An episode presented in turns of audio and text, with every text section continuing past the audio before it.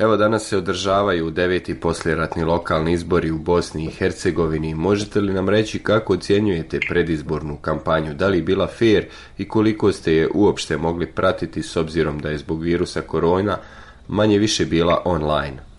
Prvi utisak koji možemo imati je to da vrlo često politički subjekti u stvari se ne pridržavaju toga da javnost e, upoznaju birače javnost sa svojim programom i kandidatima, nego u stvari se više osvrću na programe i kandidate drugih političkih stranaka. Međutim, opća ocjena, e, shodno vašem pitanju, je da je ova izborna kampanja vjerovatno i zbog ovih uvjeta koji su aktuelni jeli, u okviru pandemije COVID-19 je iznenađujuće mirna.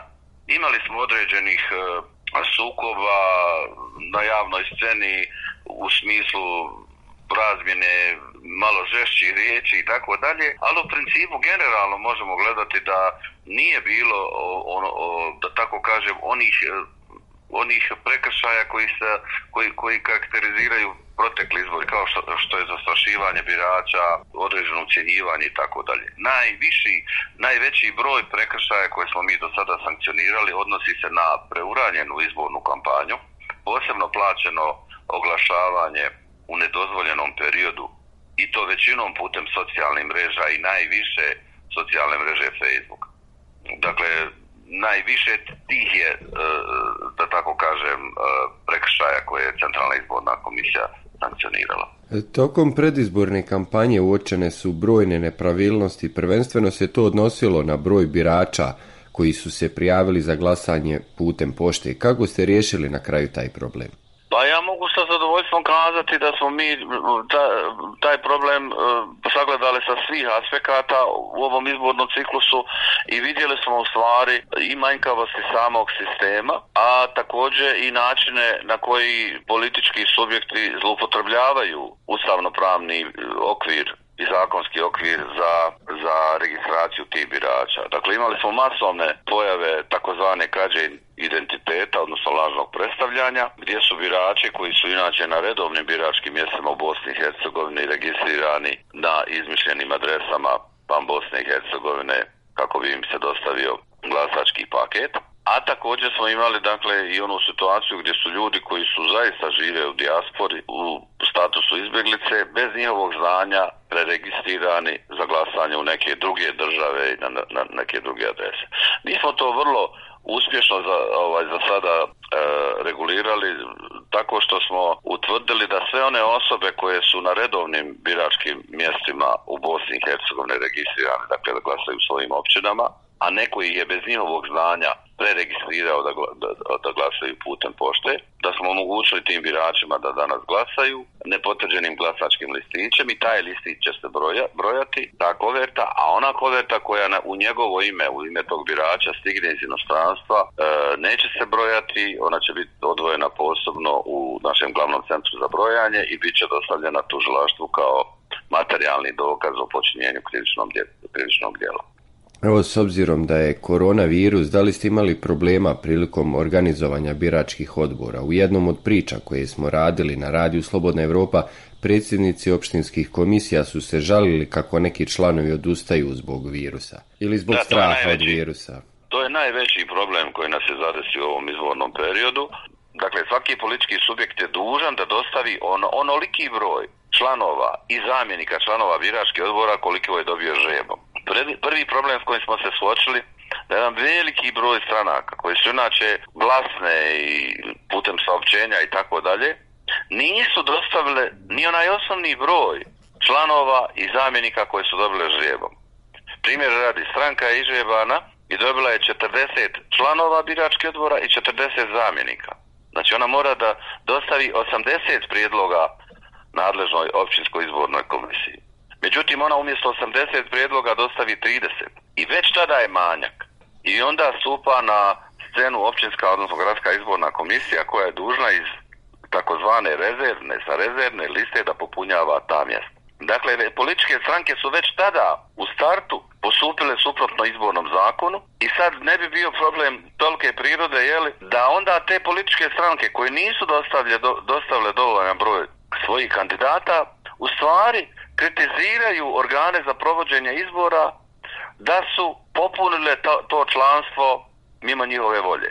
Dakle, to je veoma izražen i veliki problem bio je on i 2018. godine i ove godine je bio izražen, međutim, mi imamo veliki broj e, jako sposobnih, mogu reći, profesionalaca organima za provođenje izbora, koje na osnovu e, zakonske odredbe iz člana 2.1 stav 3 izbornog zakona Bosne i Hercegovine imaju pravo da se obrate svim nadležnim državnim institucijama na području svoje općine ili grada, da im pomognu i da popune članstvo biračkih odbora u nedostatku onih prijedloga koje, koje nisu došle od političkih stranaka. Tako je bilo i u okviru ovoga izbornog ciklusa i evo hvala Bogu uspjeli smo da prebrodimo i taj problem i problem koji je svakako proizilazi iz vašeg pitanja, neke političke stranke nemaju dovoljno prijedloga, ali neke stvarno su dale prijedloge, ali u međuvremenu su ti članovi uh, ili zaraženi ili su bili u kontaktu sa zaraženim i morali su, morali su ići u samoizolaciju, pa su ta mjesta morala biti popunjena na ovaj način kako sam prethodno pisao.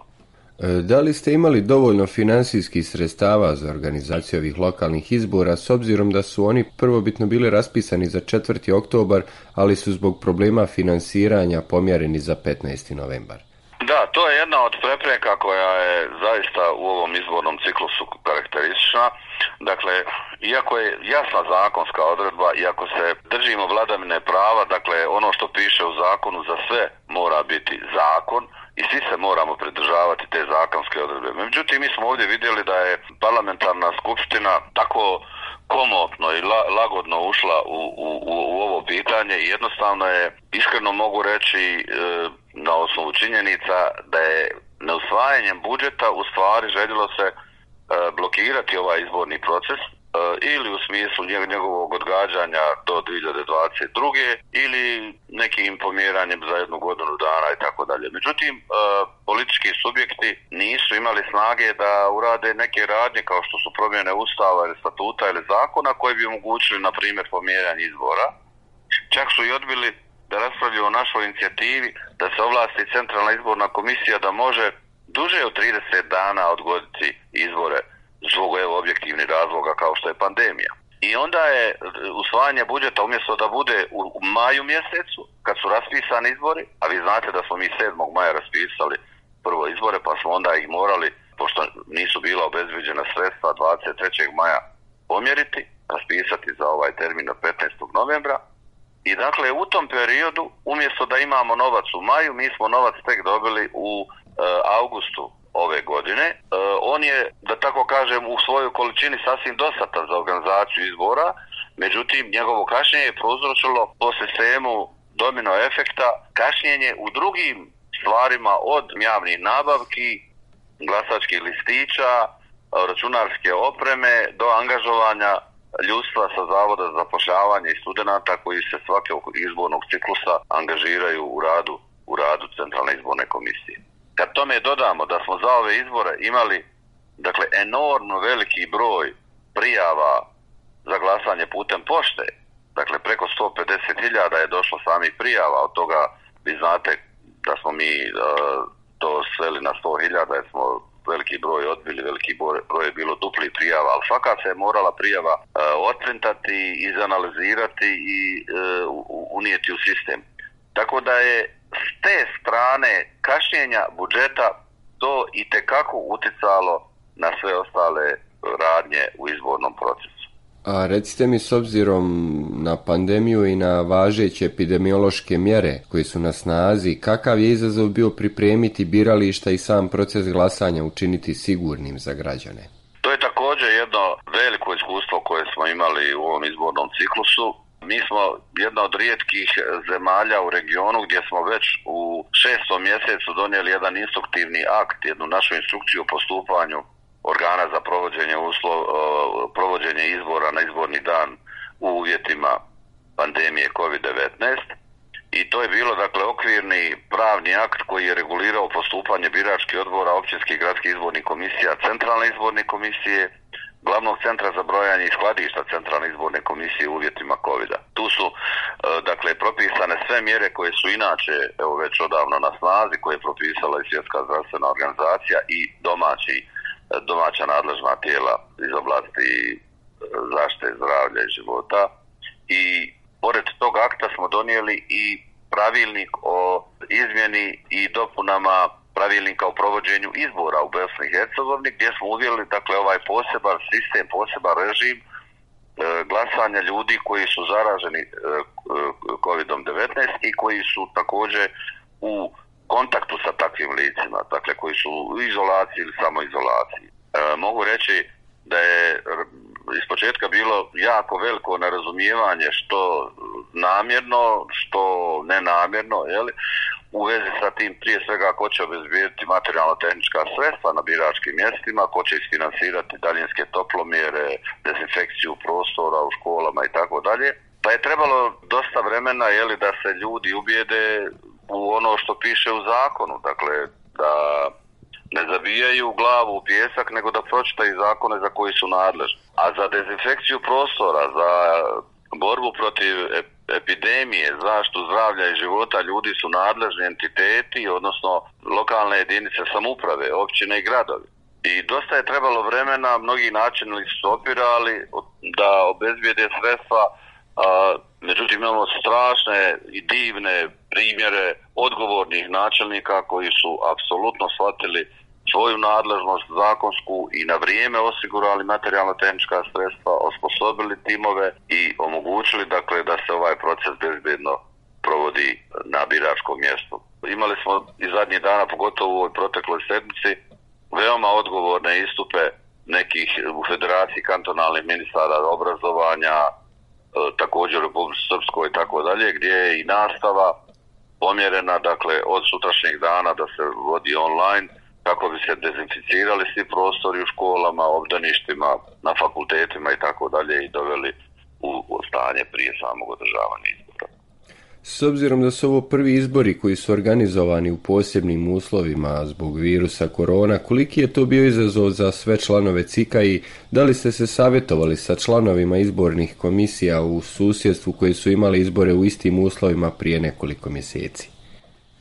Da, sa zadovoljstvom mogu reći da smo imali stalni kontakt sa izbornim komisijama u Hrvatskoj, Srbiji, Crnoj Gori i e, nešto malo manje u Sjevernoj Makedoniji, ali smo pored osobnih kontakata pogledali njihove web stranice, njihove dokumente i vidjeli smo na koji su se način oni organizirali u vezi sa organiziranjem izbora u uvjetima pandemije COVID, ali pošto kako se rekli bio je izazov i za nas i onda smo mi morali također da malo proučavamo i dokumente koje su usvojene u okviru IFES-a, međunarodne E, fondacije za izvorne steme iz Washingtona, zatim one koje su koje je usvojila Venecijanska komisija Vijeća Europe, zatim one dokumente koje je usvojila Ideja International iz Štokholma, kao i one dokumente koji preporuke koje je usvojila misija OSCE-a ODIR iz Poljske.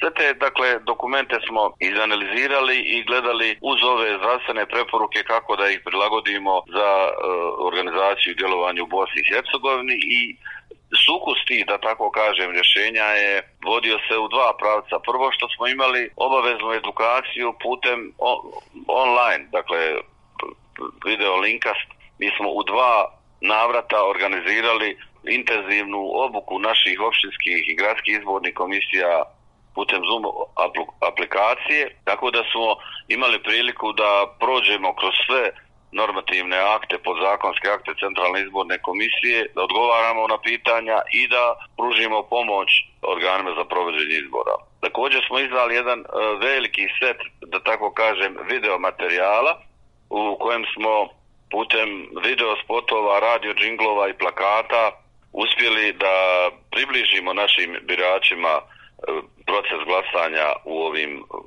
vanrednim okolnostima, da tako kažem, i na kraju krajeva imali smo neposredne kontakte također sa svakom opštinskom izbornom komisijom, sa predsjednikom opštinskog izbornog komisije, iz, izborne komisije.